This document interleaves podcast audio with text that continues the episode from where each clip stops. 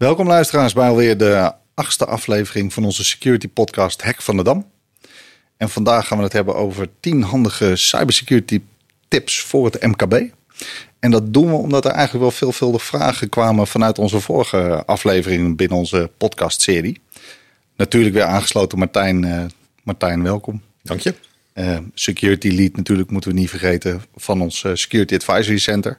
Nou ja, we gaan eens kijken wat we deze, deze aflevering weer kunnen brengen rondom van alles wat er gebeurd is. Ook afgelopen maand weer. Nou, volgens mij kunnen we daar de hele podcast wel aan wijden. Want volgens mij stond het nieuws bloot van van alles en nog wat wat er gebeurd is. Ja, dat is natuurlijk wel, het is schering en inslag. En we hebben weer genoeg vormen gezien van ja, onder andere ransomware. maar ook verschillende datalekken weer. Dus op dat gebied heeft de media ons weer voorzien van genoeg content voor ook deze podcast. En ik denk dat we er zeker wel een bijna compleet kunnen vullen daarmee. Maar misschien is het goed om even te kijken naar een aantal dingen die we de revue hebben zien passeren de afgelopen tijd. En, uh, want het was natuurlijk toch wel weer even schrik bij een hoop organisaties. Want er waren weer twee nieuwe kwetsbaarheden gevonden in Microsoft Exchange.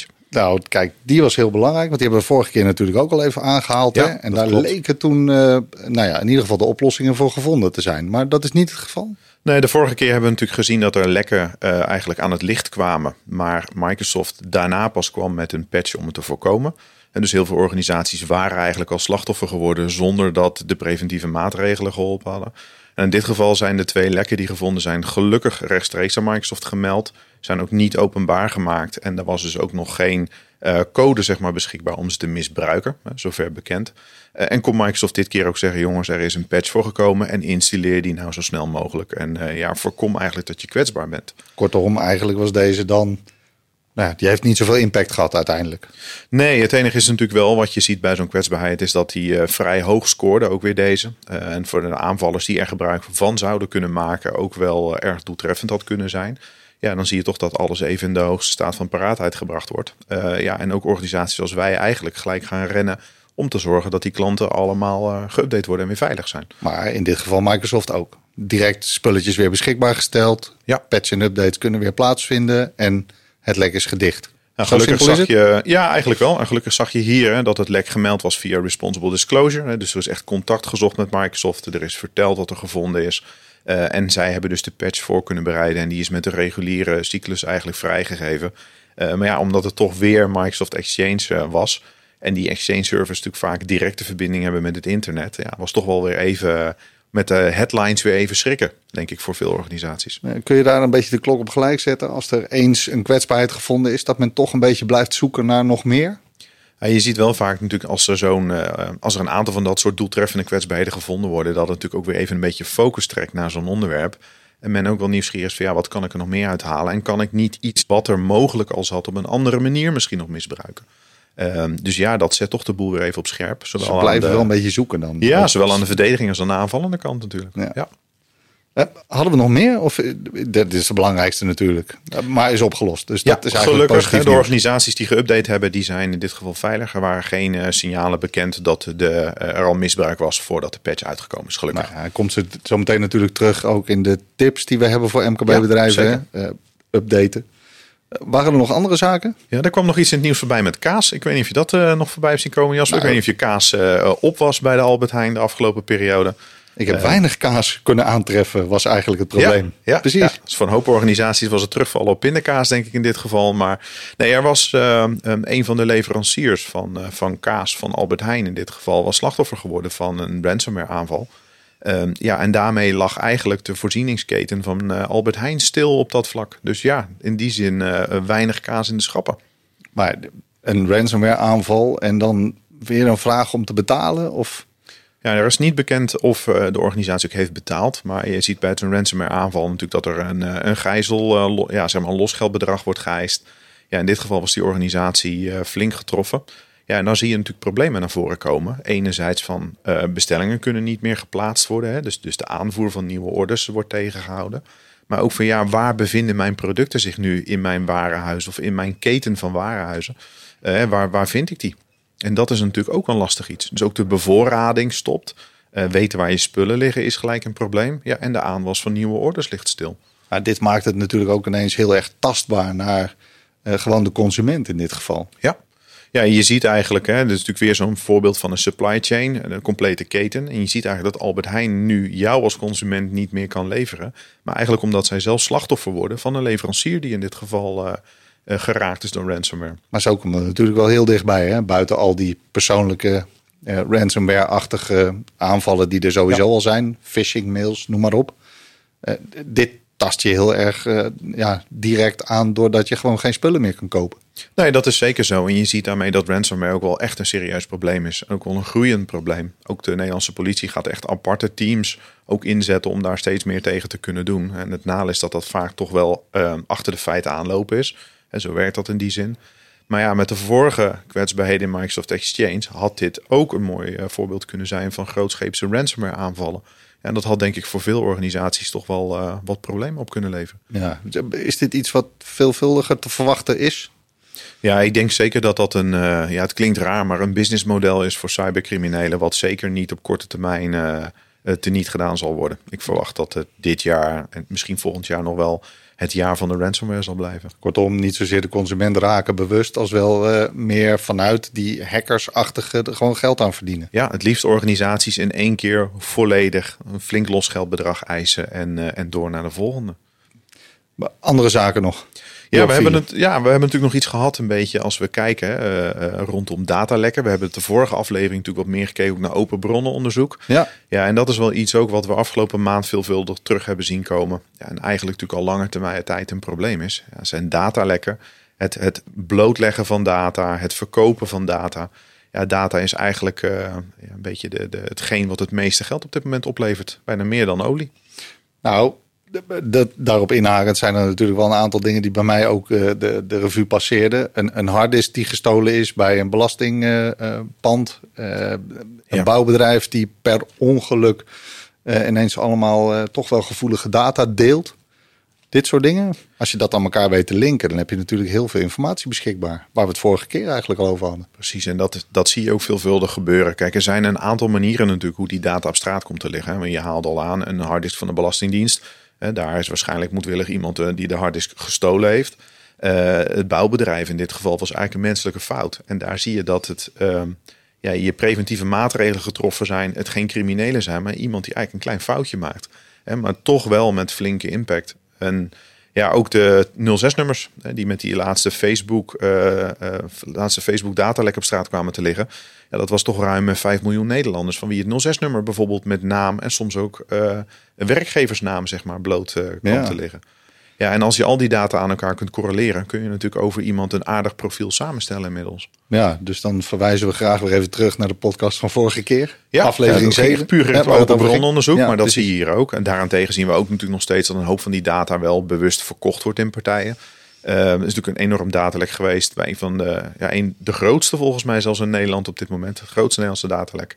Uh, bij allekabels.nl, de welbekende webshop. Ja, wie heeft de mail niet ontvangen zou ik willen nou, zeggen ja, bijna toch? Ja, en dan zie je natuurlijk ook dat wij, ja, daar geef je je gegevens in en je gaat ervan uit dat het allemaal goed en veilig bewaard wordt.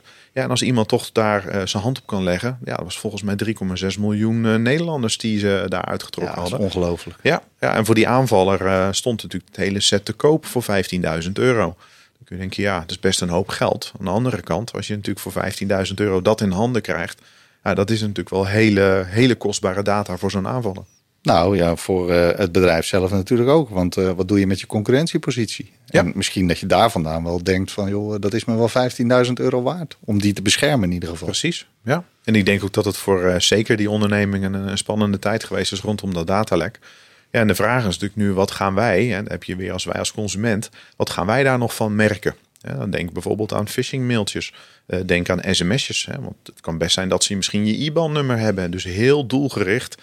Uh, in plaats van uh, je krijgt een betaalpas van de Rabobank die je moet vervangen terwijl je geen Rabobank hebt. Ja, maar ja, als ze eenmaal weten, het 06-nummer en het bijbehorende bank, ja, dat maakt natuurlijk toch het een stuk makkelijker.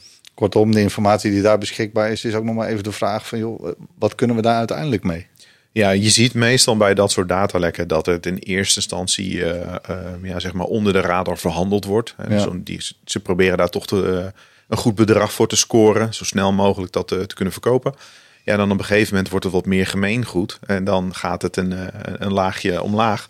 En dan zie je dat iedereen eigenlijk wel toegang tot dat soort informatie kan hebben. En realiseren ze zich dat eigenlijk wel? Wat, wat, wat de schade is? Niet zozeer dat ze die berokkenen aan zo'n bedrijf, maar misschien ook aan particulieren? Nee, ik denk niet dat dat een, Dat eh, een rol speelt. helemaal niks. Nee, ik denk dat het echt gaat om het, eh, het cashen, zeg maar. Gewoon eh, in dit geval die 15.000 euro pakken. Ehm, ja, en oneerbiedig gezegd op naar de volgende. Ja, hard weglopen en kijken waar Ja. het nog meer eh, Ja. Nou, volgens mij reden genoeg om, eh, eh, om vandaag dit thema aan te halen. En te kijken waar we die MKB'ers met betrekking tot die tips in ieder geval nog een stapje verder kunnen helpen. Je hoort het vaker, er valt niks te halen. MKB zegt dat, denkt dat, dat er bij hun niks te halen valt. Maar dit zijn toch echt wezenlijk voorbeelden dat het niet het geval is. Er valt wel degelijk wat te halen. Ja, en dat is toch iets, hè? Je, je, haalt het, je haalt het aan, maar dat horen wij ook wel vaak. Dat zeggen, ja, maar ik ben een kleine organisatie, joh. bij mij werken er 25, 30 man. Waarom zouden ze bij mij komen en Ja. niet bij mijn concurrent die 100 man in dienst heeft? Maar ja, dat zie je nu ook met zo'n hack op zo'n webshop. Ja, op het moment dat daar gewoon geld te verdienen is en makkelijk geld te verdienen is, en dan kun je er gewoon van uitgaan dat ook jij een onderdeel zal zijn van, eh, eh, van zo'n aanval. Nou, in ieder geval interessant genoeg om het te proberen, blijkt. Ja, en dan zie je in het MKB, hè, ze hebben er onderzoek naar gedaan. We hebben hem al eerder in de podcast even aangehaald. Zo'n 13% van de bedrijven heeft het echt op orde. En dan kun je natuurlijk discussiëren, wat is dan op orde? Maar dat geeft wel aan dat er natuurlijk nog wel heel veel winst te behalen is in het MKB. Eh, ja, en het overgrote deel, dat is ruim twee derde. Dat zegt eigenlijk, ja, bij mij valt er niets te halen. Ik beschouw mijzelf niet als doelwit. Ja. En ik denk dat dat een, een aanname is die niet goed meer past bij, eh, bij het dreigingsbeeld vandaag de dag. Nee, eh, kijk, eh, dan heb je het over alle maatregelen die je kunt nemen. Ehm, voordat we zo meteen naar die tips toe duiken, nog één belangrijke die ik misschien even aan moet halen. Eh, mijn IT-dienstverlener heeft het toch allemaal wel voor me geregeld. Is dat een aanname die terecht is? Ja, dat is altijd een hele mooie. Wat je eigenlijk ziet natuurlijk op het moment dat jij een nieuw huis koopt, kun je er ook van uitgaan dat iemand anders nagedacht heeft over de veiligheid van jouw huis. Eh, maar als die daar geen alarm in gehangen hebt, eh, heeft en jij weet dat daar geen alarm in hangt, is dat dan nog de verantwoordelijkheid van diegene die dat huis gebouwd heeft? Of is het dan de bedoeling dat jij als bezitter van die woning ook nadenkt van zou ik aanvullend niet nog maatregelen willen doen? Kortom, gedeelde verantwoordelijkheid. Ja, gedeelde verantwoordelijkheid. En ik denk eh, dat het een, zeker een onderwerp moet zijn wat gewoon bij elkaar op de agenda komt te staan. Hè. Zowel bij de IT-dienstverlener als bij de organisatie in dit geval. En je ook constant met elkaar over in gesprek blijft. Zometeen in deel 2. We gaan eh, concreet in op de tips die we hebben voor MKB-bedrijven. Ja, we hebben ze verzameld en we gaan, eh, we gaan kijken wat we kunnen bijdragen aan de probleemstelling. Tot zo.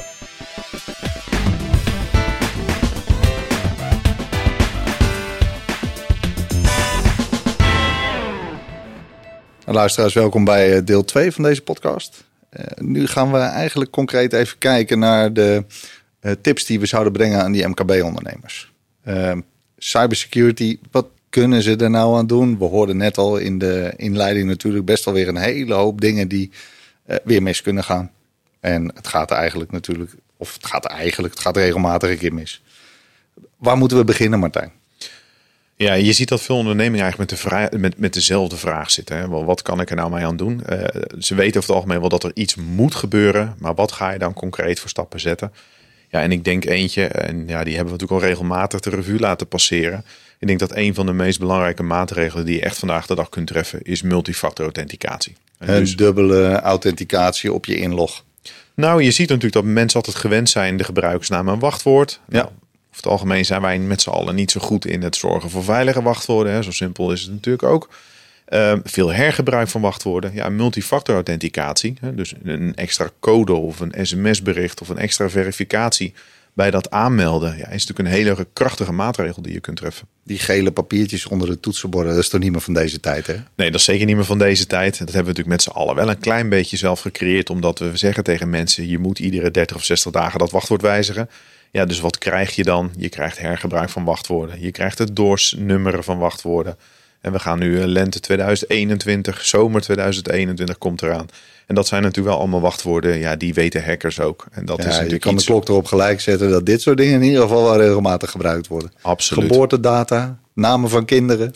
Ja, vooral niet doen. Eh, eh, Ik denk een van de meest krachtige manieren is het gebruik van wachtwoordzinnen. Heel veel mensen realiseren zich niet dat je ook prima een zin kunt gebruiken als wachtwoord. Ja, dan ga je al snel eh, buiten de standaard acht karakters om. En dat maakt natuurlijk toch wel een heel sterk wachtwoord. Ja, daar zit natuurlijk wel wat achter. Hè? De langere ja, wachtwoorden eigenlijk. En dan in combinatie met toch weer die twee-factor authenticatie die ervoor zorgt. Je bent echt goed beveiligd. Nou, dat is het zeer zeker. Kijk, als je het wachtwoord neemt, ik had geen kaas bij de Albert Heijn toen ik boodschappen deed. Ik denk dat er weinig kans is dat iemand dat makkelijk raadt.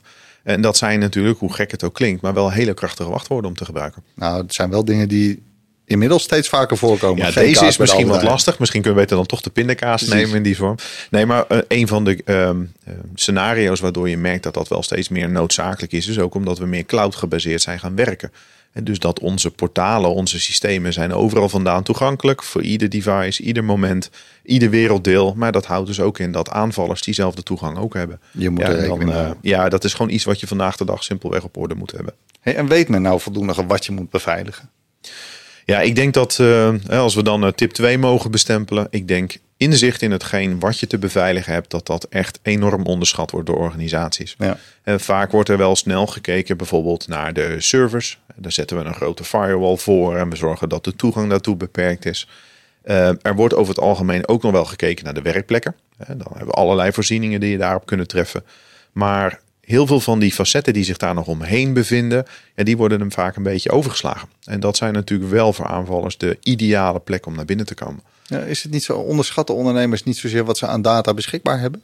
Ja, vaak misschien ook niet meer bij stilstaan. De focus ligt natuurlijk vaak op, eh, op de centrale, hè, de datacenteromgevingen. En de cloud wordt over het algemeen wel naar gekeken. En de werkplekken. Maar er wordt over het algemeen niet vaak stilgestaan. Bijvoorbeeld bij een apart stukje rondom telefonie. Of een eh, domotica-omgeving. Of misschien een, eh, een, een slimme deurbel die toch ergens weer aangesloten is op het bedrijfsnetwerk. En dat zijn natuurlijk van die plekken eh, waar een aanvaller natuurlijk graag naar kijkt. En je ziet dat daar ook heel vaak eh, qua onderhoud eh, niemand verantwoordelijk is voor dat deel van die infrastructuur. Nee, dus er weinig aan doet. Dus daar eh, zijn ook vaak ingangetjes te, te bedenken. Ja, dus als je, en dat is misschien de meest saai, het meest saaie onderwerp als het gaat om cybersecurity, maar asset management, dus echt weten wat je hebt, zodat je weet wat je te beveiligen hebt, is denk ik wel eh, een, eh, ja, een enorme stap voorwaarts in je, in je inzicht als je dat als organisatie op orde hebt. Ja, Want simpel, dan weet je eigenlijk pas echt welke voorziening je moet treffen. Je wil natuurlijk je intellectual property wil je beschermen. Hè? De gegevens die je creëert, die je maakt. eh, misschien wel wat je produceert en hoe je dat je doet. kroonjuwelen, daar gaat Precies, het natuurlijk uiteindelijk ja. om. En daar is niet alleen je IT-leverancier, maar ook een leverancier van misschien een, een domotica-systeem of de automatische deurbel die je met een knopje de deur open kan doen. Ja, die zijn er ook allemaal eh, onderdeel van. Ja, precies. Eh, we zitten nog steeds in coronatijd. Hè? Eh, vervelend, maar eh, toch weer thuiswerken. Ook daar zijn natuurlijk heel veel werk of werkgevers mee geconfronteerd geweest. Eh, die beveiliging thuis is ook niet op orde. Nee, daar moet je eigenlijk wel standaard van uitgaan. Ehm, een goede voorziening van thuis werkplekken of gewoon überhaupt werkplekken. Ja, dat is iets wat we natuurlijk door middel van eh, het hele corona ja, eh, laten we het zo dan maar noemen, wel mee te maken gehad hebben. Is dat er in zo'n snel tempo zijn die organisaties veranderd, is die infrastructuur veranderd. En ik denk dat er nog steeds organisaties zijn die zich echt gerichten op continuïteit en productiviteit. Maar waar veiligheid eigenlijk daar helemaal geen rol in heeft gespeeld. En ergens eh, is dat natuurlijk ook wel te begrijpen. Hè? Want je, je organisatie staat onder druk. Je moet ineens een hele nieuwe manier van werken gaan verzinnen. Mensen mogen niet meer naar het kantoor toe komen. Ja, dan ga je natuurlijk als eerst kijken van hoe zorg ik dat mijn, eh, mijn business door blijft draaien. En ik kan me voorstellen dat je eh, veiligheid daar misschien iets later in de keten pas tegenkomt. Ja, toch verwacht men, en daarom zou je er wat meer van verwachten misschien wel, dat dit in de toekomst, ja, men geeft volgens mij voor een groot deel aan, eh, toch op deze manier te willen blijven werken. Of in ieder geval veel meer thuis te willen werken, omdat het in principe, we hebben het aangetoond, het kan ook gewoon. Ja, ik denk dat we met z'n allen een flinke vuurdoop gehad hebben als het gaat om thuiswerken. Ik bedoel, Zeker. eh, jij en ik deden het ook niet eh, vijf dagen in de week. Nee. En uiteindelijk nu kunnen we ook ons werk doen. Alleen ik denk wel dat het voor heel veel organisaties die hebben wat noodmaatregelen getroffen. Eh, maar ook de vragen die wij vooral krijgen als, als leverancier, merken we dat mensen eigenlijk nu op het punt staan. Ja, het business draait door, we hebben die stappen gezet. Maar hoe zit het eigenlijk met de veiligheid? Kortom, vanuit die noodmaatregel geboren zul je toch nog verder moeten kijken om met name ook die thuis werkplekken goed te beveiligen. Nou, neem even, hè, ik zei net de cloud als voorbeeld. Eh, Stel dat Ja. daar jouw data in staat eh, en mensen werken misschien nu op een privéapparaat thuis. Ja, hoeveel van die data eh, wil jij of, of vind jij het noodzakelijk dat die mensen op hun thuisprivé kunnen eh, of thuis PV, PC op kunnen slaan? Ja, nou, een goede vraag. En, eh, dat zijn- Maar daar moet men over nadenken dan. Ja, en dat zie je eigenlijk nu allemaal gaan komen. Het, is, het, het werkt, het doet het. En, en nu zijn er misschien wat, wat veiligheidseisen. Ook de media helpt daar natuurlijk een ent aan mee. Maar dat zijn wel allemaal onderdingen over na te denken. Dus als je ook kijkt om het veiliger maken van thuiswerkplekken. Ja, de vraag is A, wil je überhaupt dat mensen zomaar bij data kunnen op je werkplekken? Dat is misschien voor de organisatie goed om daar bijvoorbeeld beleid op af te dwingen. We staan niet toe dat. Ehm, ook rekening houden van ja, je gaat niet over de beveiliging van zo'n thuisapparaat. Dus wil ik niet standaard MFA afdwingen, altijd als je inlogt.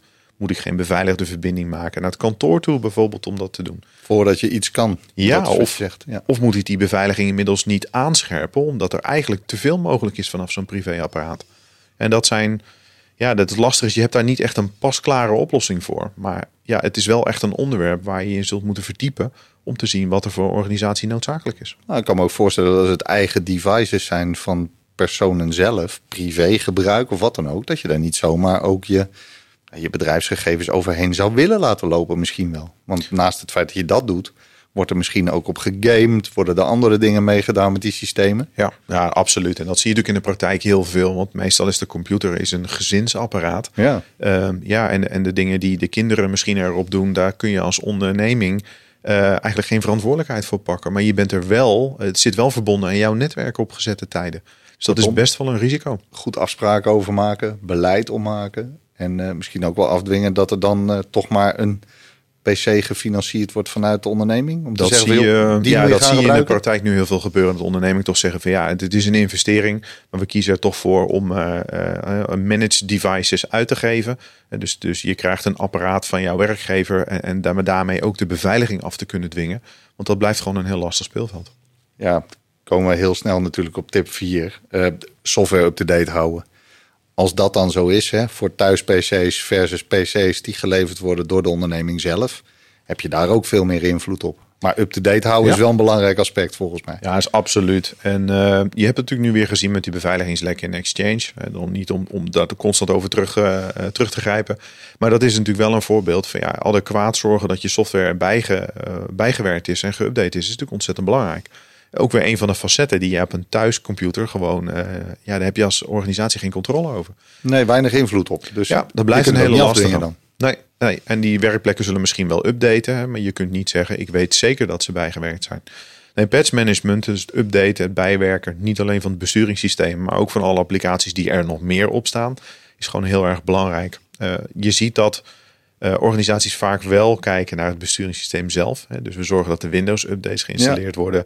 Uh, Microsoft Office wordt keurig netjes geüpdate. Maar ja, daar worden ook genoeg beveiligingslekken gevonden in software van derden. Ja, en dat staat ook op die werkplek. Dus als organisatie wil je dat gewoon op orde hebben en het liefst ook gewoon geautomatiseerd op orde hebben. Is het ook niet belangrijk voor hè, waar dan ook, dat je uiteindelijk een keer moet aantonen dat je het ook wel goed op orde hebt. Hè? Dus enige bewijslast rondom uh, het feit dat je up-to-date was, dat je ervoor gezorgd hebt vanuit verantwoordelijkheidsprincipe Absoluut. om te zeggen, het is echt up-to-date, want ik heb maatregelen genomen. Ja, stel dat jij als organisatie natuurlijk in het nieuws komt rondom zo'n datalek, uh, dan worden natuurlijk best wat kritische vragen gesteld. En dus een autoriteit persoonsgegevens zal ook aan jou gaan vragen welke maatregelen je getroffen hebt. Ja, en dan wil je als organisatie natuurlijk wel gewoon kunnen laten zien van joh, wij hebben het geregeld. We updaten automatisch. Het was keurig netjes in gang gezet. Maar helaas heeft er toch iets plaatsgevonden. Ja, je hoopt natuurlijk nooit dat het gebeurt. Maar ja, het is wel belangrijk om zoiets als organisatie op orde te hebben. Ja, dan gaan we ervan uit hè, dat het allemaal goed geregeld is. Tip 5. Toch scannen we voor kwetsbaarheden. Waar is dat voor, uh, voor bedoeld? Ja, het is eigenlijk een extra, ja, extra setje ogen. Ik bedoel, we weten allemaal dat kwetsbaarheden gevonden kunnen worden in software. En adequaat updaten is natuurlijk heel belangrijk. Uh, maar heel veel organisaties updaten bijvoorbeeld eens per maand. Nou, dat is op zich natuurlijk een prima interval. Ja. Alleen ja, in die periode kan het wel zijn dat er natuurlijk ergens een kwetsbaarheid zit die misschien wel al gemeld is, dus bekend is, maar die jij nog niet weet dat die erin zit. Ja, en daar zie je dan een, een kwetsbaarheden scanner, dus een stukje tooling wat eigenlijk daarna kan zoeken een hele goede manier is om toch een extra setje ogen in te zetten. En wat voor kwetsbaarheden kan zo'n tool vinden dan? Nou, het kijkt naar een aantal dingen. Een van de kwetsbaarheden bijvoorbeeld die je kunt vinden in software... is op het moment dat er nou echt een, een, een kwetsbaarheid gerapporteerd is... Hè, dan krijgt zo'n mhm. kwetsbaarheid een nummer... En dat soort nummers zijn vaak bekend in die scanners. En die gaan echt zoeken of die bepaalde kwetsbaarheid gevonden wordt. En dan krijg je heel doelgericht. Je hebt dit draaien. Daar is deze kwetsbaarheid in gevonden. En je kunt dus dit en dit doen om het risico te mitigeren. Maar je hebt natuurlijk ook kwetsbaarheden eh, die wat minder bekend zijn. Bijvoorbeeld, je hebt een website waar toch wat, wat kleine programmeerfoutjes in zitten, waar dingen door dingen onveilig eigenlijk verwerkt worden. Ja, Zo'n kwetsbare scanner kan vaak dat soort dingen ook weer herkennen. Die kunnen wel een hoge impact hebben dan, het feit dat er iets verkeerd geprogrammeerd is. Bijvoorbeeld, vooral met webapplicaties, daar zit natuurlijk vaak toch een, een platform achter waar de data zich in bevindt. Ja, en je wil niet dat mensen die daar niets te zoeken hebben, toch veel meer kunnen lezen dan, uh, dan eigenlijk de bedoeling is. Dus bijvoorbeeld zo'n datalek dus data kunnen stelen. En zo'n kwetsbaarheidenscanner heeft dus allerlei verschillende methodes in zich om je te helpen dingen te signaleren uh, die je waarschijnlijk nog niet wist of misschien later pas gevonden zou hebben. Eh, het scannen is natuurlijk één, hè, maar worden daar ook geautomatiseerd processen omheen gebouwd die zorgen dat die kwetsbaarheden die dan gevonden worden ook direct geïsoleerd zijn? Hoe moet ik dat zien? Nee, niet, over het algemeen niet. Nee, wat je vaak ziet is dat die tooling in staat is. Hè. Ik bedoel, ze zijn er wel, maar de meeste van dat soort tooling is vooral in staat om goed eenduidig te alarmeren. En vaak ook gelijk de context te geven wat je dus kunt doen om het te verhelpen. In sommige gevallen kan het wel automatisch. Maar het is vooral eigenlijk als doel om te signaleren zodat je proactief kunt handelen. En eigenlijk uh, ja, zo kan zorgen dat de, de dreiging weggenomen wordt. Nou, neem niet weg dat het belangrijk is om uh, in ieder geval ook te kijken naar die kwetsbaarheden. En om daar tooling voor in te in zetten. In ieder geval iets in te, zetten als dat extra zet je ogen. Ja. Nou, zometeen gaan we naar deel 3. Kijken we naar de volgende vijf tips. Ja, zeker.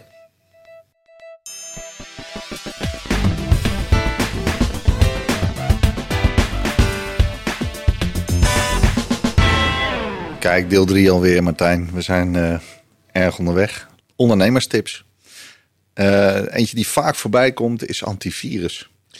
Ja, ik denk dat antivirus wordt nog steeds een beetje beschouwd als de, de heilige graal als het gaat om beveiliging. En ik denk toch wel dat dat best een hoop van zijn waarde verloren heeft in de afgelopen tijd. Uh, is het daarmee uh, onnodig antivirus? Nee, zeker niet. Alleen we hebben wel gezien dat er natuurlijk wel steeds meer geavanceerdere dreigingen zijn. Waar antivirus eigenlijk niet zo heel veel meer mee doet. Nee, want ik merk zelf dan dat er eigenlijk, nee, je hoort over virussen vrij weinig. Klopt dat?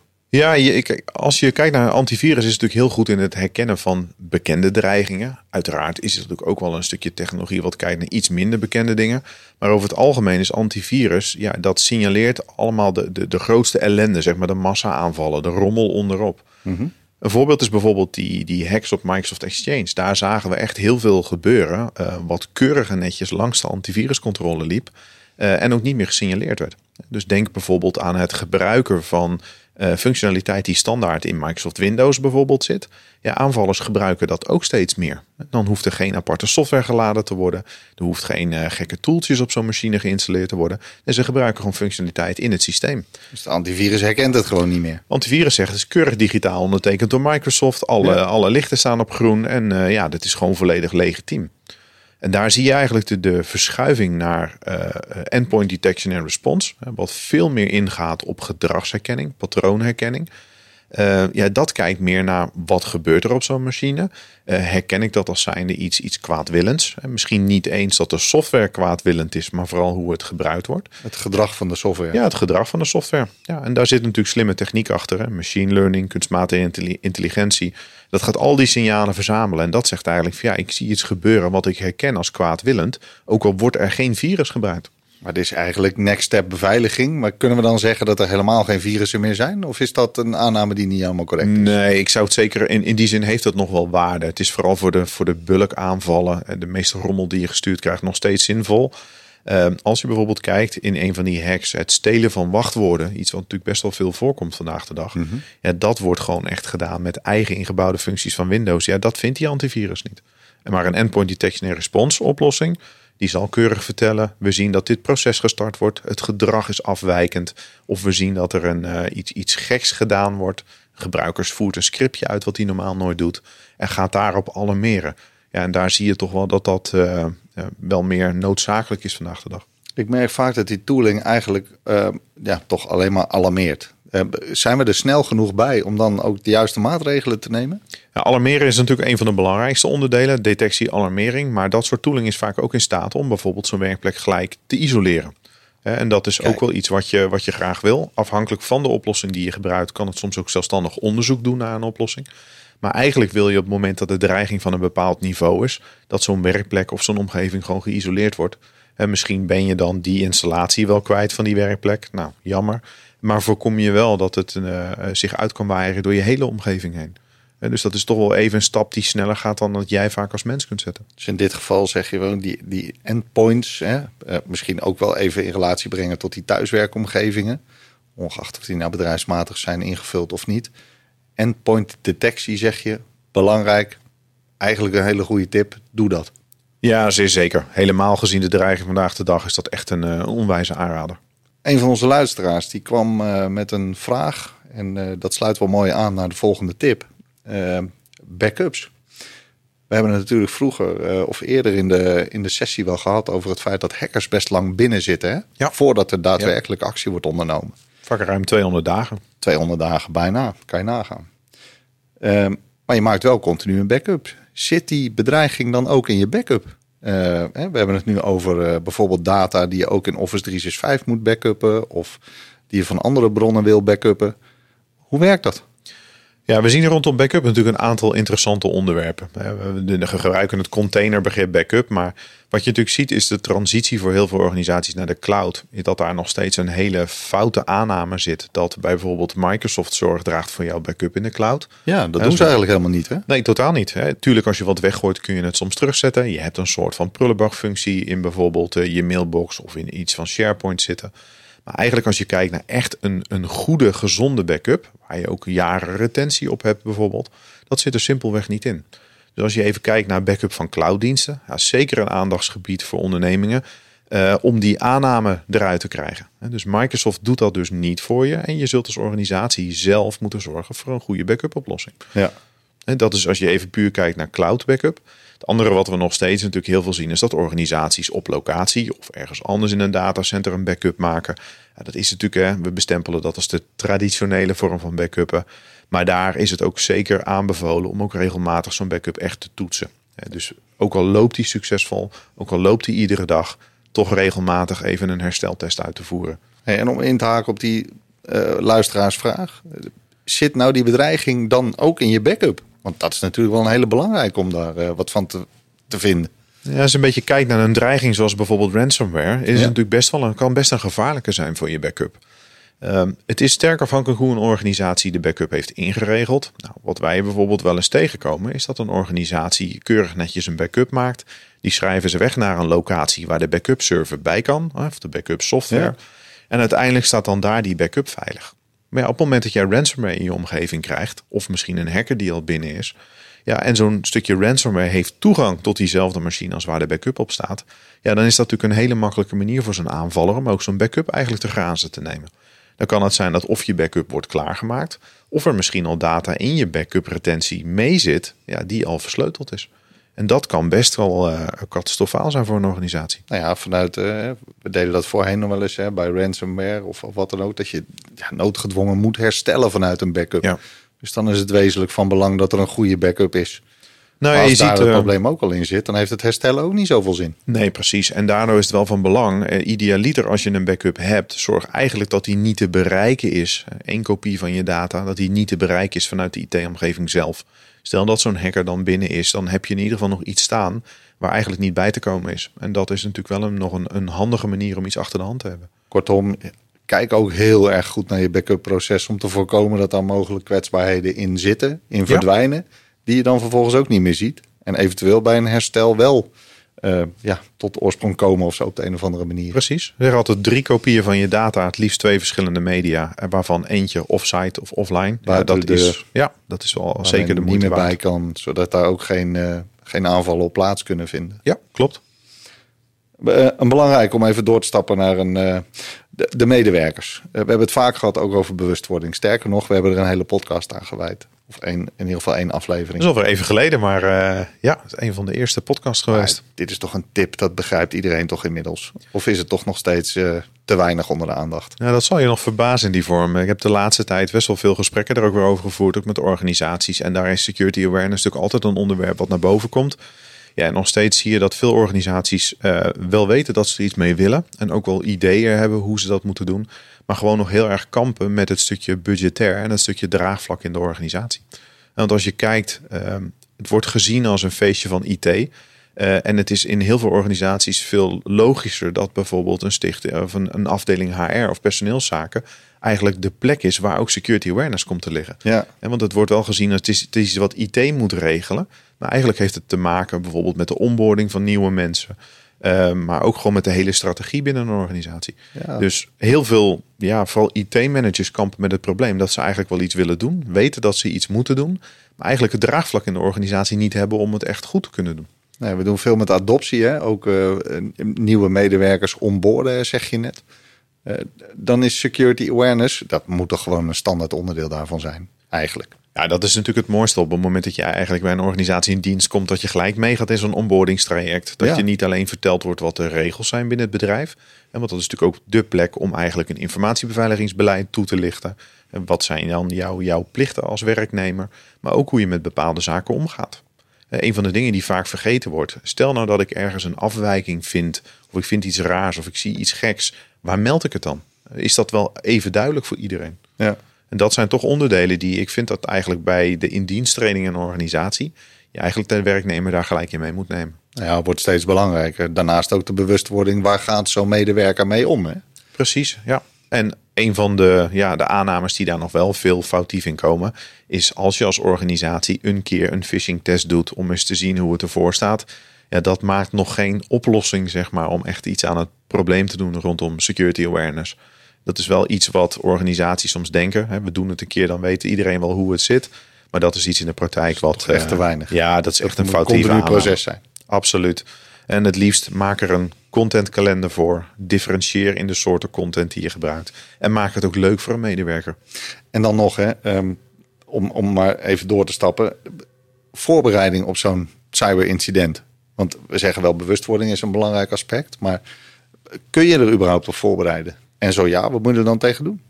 Nou, als we even terugdenken natuurlijk aan de leverancier van, eh, van Albert Heijn rondom, eh, rondom de kaas. Ja, Eh, ja, als je zo als organisatie in één keer te maken krijgt met een ransomware aanval en ja, niets doet het meer, om het maar even overdreven te zeggen. ja, ben je daar als organisatie wel op voorbereid? Ik denk dat dat best wel een lastig vraagstuk is voor heel veel ondernemingen, ja, hoe je daarmee omgaat. Enerzijds weet je wat je moet doen. Ehm, anderzijds zijn alle leveranciers op dezelfde manier eigenlijk eh, aangelijnd aan het hele traject. Want misschien dat je met je IT-leverancier prima een overeenkomst hebt dat je met het weekend mag bellen.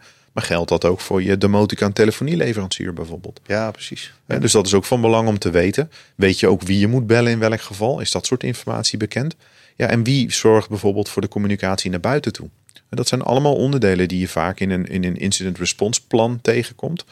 Maar die organisaties ja, een beetje zoiets hebben van ik weet het wel, joh, en als het gebeurt dan, dan lossen we het op. Maar er eigenlijk niet bij stilstaan dat als het echt paniek is, je eigenlijk het liefst iets uit de kast pakt wat je gewoon geoefend hebt eh, en kunt gebruiken om weer te herstellen. Ja, ook voor kleinere ondernemingen, er zou best wel een proces voor geschreven moeten worden. Dat is eigenlijk wat je zegt. Ja, want ja, eh, je kunt als organisatie gebeld worden, maar de telefoon doet het niet meer. Je kunt gemaild worden, maar je e-mail komt niet aan. Ja, hoe ga je daar als onderneming mee om? En ik denk toch wel dat het iets is wat eh, heel erg onderschat wordt. Ja, voor de ene organisatie belangrijker dan voor de andere organisatie. Dat mag duidelijk zijn, maar Precies. toch, de- boodschap is, denk daar verdorie over na. Ja, denk erover na. Ik denk nog belangrijk ook, leg het vast. En zorg ook dat in dit Precies. geval ook niet alleen IT daar onderdeel van is. Want ik denk dat een afdeling legal of een HR of een, vooral een communicatieafdeling misschien nog wel belangrijker is op dat moment. Zorg dat iedereen weet wat ze moeten doen. Dat het duidelijk is wie wat doet. Leg het goed vast wat er gebeurt, ook voor latere scenario's. Hoe en, waar je zijn ja, moet. en bij Ja. voorkeur leg het op de plank, maar toets het ook regelmatig. Ja. En schrijf het niet één keer en ga naar via via datzelfde document terugpakken wat niet meer eh Nee, maar je zult het ook bij moeten houden natuurlijk. Want eh, we merken gedurende hè, het maken van deze sessies eh, dat, dat er ook een heleboel verandert. Enorm, er verandert heel veel, maar daarom is het ook echt van belang als je zo'n plan hebt, dat je het ook regelmatig toetst. En Ja. simuleer het gewoon, al doe je het iets kleiner, maar ga met die mensen aan de slag en, en, en laat ze beleven wat er gebeurt. Eh, De bewustwording verhaal, hè? Eh, tot slot, als een van de laatste tips. Eh, we merken dat dat breed gedragen moet worden, maar vooral vanuit directies eh, binnen organisaties. Want als het daar al niet landt, hoe belangrijk is het dan? Zij moeten het belangrijk vinden. Klopt dat?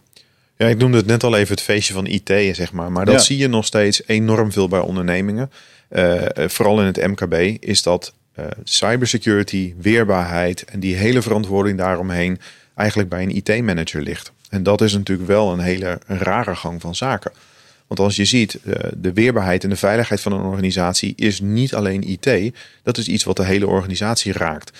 En om die reden eh, is ook ons advies altijd: zorg dat dat onderdeel van je organisatie eigenlijk op de directieagenda staat. Zorg dat daar het belang ook onder, uh, onderbouwd wordt. Uh, en dat men ook op die manier kijkt naar cyberweerbaarheid. Ja, het draagvlak moet daar echt zijn. Ja, zeer zeker draagvlak. Maar ook heel veel IT-managers kampen eigenlijk met het probleem dat ze er simpelweg het budget niet voor hebben. En want wat je ziet, er komt een vast budget voor IT. En daar gaat de, de standaard kosten gaan daar allemaal uit. En in één klap moet zo'n organisatie veel meer gaan doen aan cybersecurity. En dus wij adviseren die klanten ook van, joh, je moet veel meer doen. Je moet endpoint detection en response inzetten. Je moet MFA kopen. Het zijn allemaal adviezen waar die organisaties graag wat mee doen. Maar die IT-manager heeft vaak hetzelfde budget als het jaar daarvoor. Ja, wij kunnen natuurlijk heel erg hebben over de technische invulling van uh, componenten. Hè? Maar uiteindelijk moet zo'n directie toch meegaan in de in de opleiding of zo van die medewerkers. Precies. In ieder geval het stukje bewustwording ja, creëren. Ook het stukje budgettering, een stukje bewustwording, maar ook uitdragen dat het een organisatiekeuze is dat je bepaalde maatregelen treft. En niet IT weer iets verzonnen heeft om het jouw leven moeilijker te maken. En dat is natuurlijk vaak uh, nog wel iets wat je bij organisaties ziet gebeuren. Ik had laatst een leuke anekdote nog laatst met een, een onderneming over de toepassing van MFA. En toen zei die onderneming ook van ja, wij zijn alleen bang dat dat heel veel weerstand oplevert. En het was ook een van de dingen die ik aangaf van zorg ook dat je een uitlegt waarom je dit soort maatregelen treft. En bij voorkeur ook een directie draagvlak toont voor de maatregelen die je invoert. Daardoor voorkom je ook dat het eigenlijk een, een ja, IT heeft weer iets verzonnen. Ik moet als werknemer weer iets extra's doen. Terwijl je eigenlijk wil vertellen aan zo'n aan zo'n medewerker waarom je als organisatie deze beslissing hebt genomen. Ja, het moet top-down eigenlijk wel. Uh, Idealiter wel. In zo'n ja, organisatie. Maar dat zie je rondom het budget van cybersecurity natuurlijk ook steeds meer. Ja. Is het logisch dat het van het IT-budget afgaat? Of zou het bijna apart een eigen budget moeten hebben omdat het organisatorisch breed is? Kijk, nou volgens mij heel uitgebreid ingegaan op maar liefst 10 tips die ondernemers kunnen gebruiken in ja. MKB ten opzichte van cybersecurity. Mocht er daar nog vragen over zijn, kan natuurlijk altijd gemaild worden naar podcast.avantage.nl. Absoluut. Die vragen beantwoorden we natuurlijk graag. Eventueel in een van onze volgende afleveringen. Uh, wat ons brengt bij het feit dat we er nog twee te gaan hebben dit seizoen. Um, ja, we zitten bijna op de tien. Precies. Uh, de volgende over crisismanagement. Hoe uh, bezweer je nou een crisis als gevolg van een cyberincident? Past even leuk bij die we net al aanhaalden. Hè? Stel nou dat er iets gebeurt, kun je dan, kun je dan iets van de plank pakken wat je daarbij gaat helpen. Maar ik denk dat crisismanagement een, een mooi onderwerp is wat daar goed bij aansluit. En iets wat veel over het hoofd gezien wordt bij organisaties. Daar hebben we natuurlijk een, weer een leuke gast voor. Jij weet wie er gaat komen. Nou, volgens mij hebben we iemand uitgenodigd van Fox IT. Ja, iemand die een hoop ervaring heeft op dat vlak. Um, heel erg bekend is ook als incident handler zelf. Dus heel erg betrokken bij, uh, bij dit soort grote uh, scenario's. En ik denk ook een, uh, een mooie gast om iets meer te vertellen. Van ja, wat gebeurt er nou op het moment dat zo'n crisis plaatsvindt? Nou, leuk dat hij wil aansluiten. En de laatste aflevering over informatiebeveiliging bij organisaties. die met name ingaat over veel privacygevoelige informatie ja, dus in dit geval bij een uh, organisatie in de woningcorporatiemarkt. En daar is het wel van belang ook natuurlijk dat je goed dra zorg draagt voor het beschermen van al die persoonsgegevens van die mensen. Um, en daar hebben we ook een gast die gaat vertellen hoe zij er binnen de organisatie eigenlijk uh, opgezet hebben. En waar ze rekening mee houden. Kortom, twee gevulde afleveringen. Ja, twee prima onderwerpen denk ik voor de, die, die uh, goed passen bij wat we vandaag de dag zien. Um, en ik denk ook nog wel dat het voor heel veel organisaties interessant is om daar ook even wat dieper op in te zoomen. Nou, voor nu hartelijk dank Martijn en luisteraars ook natuurlijk hartelijk dank. En graag tot de volgende aflevering.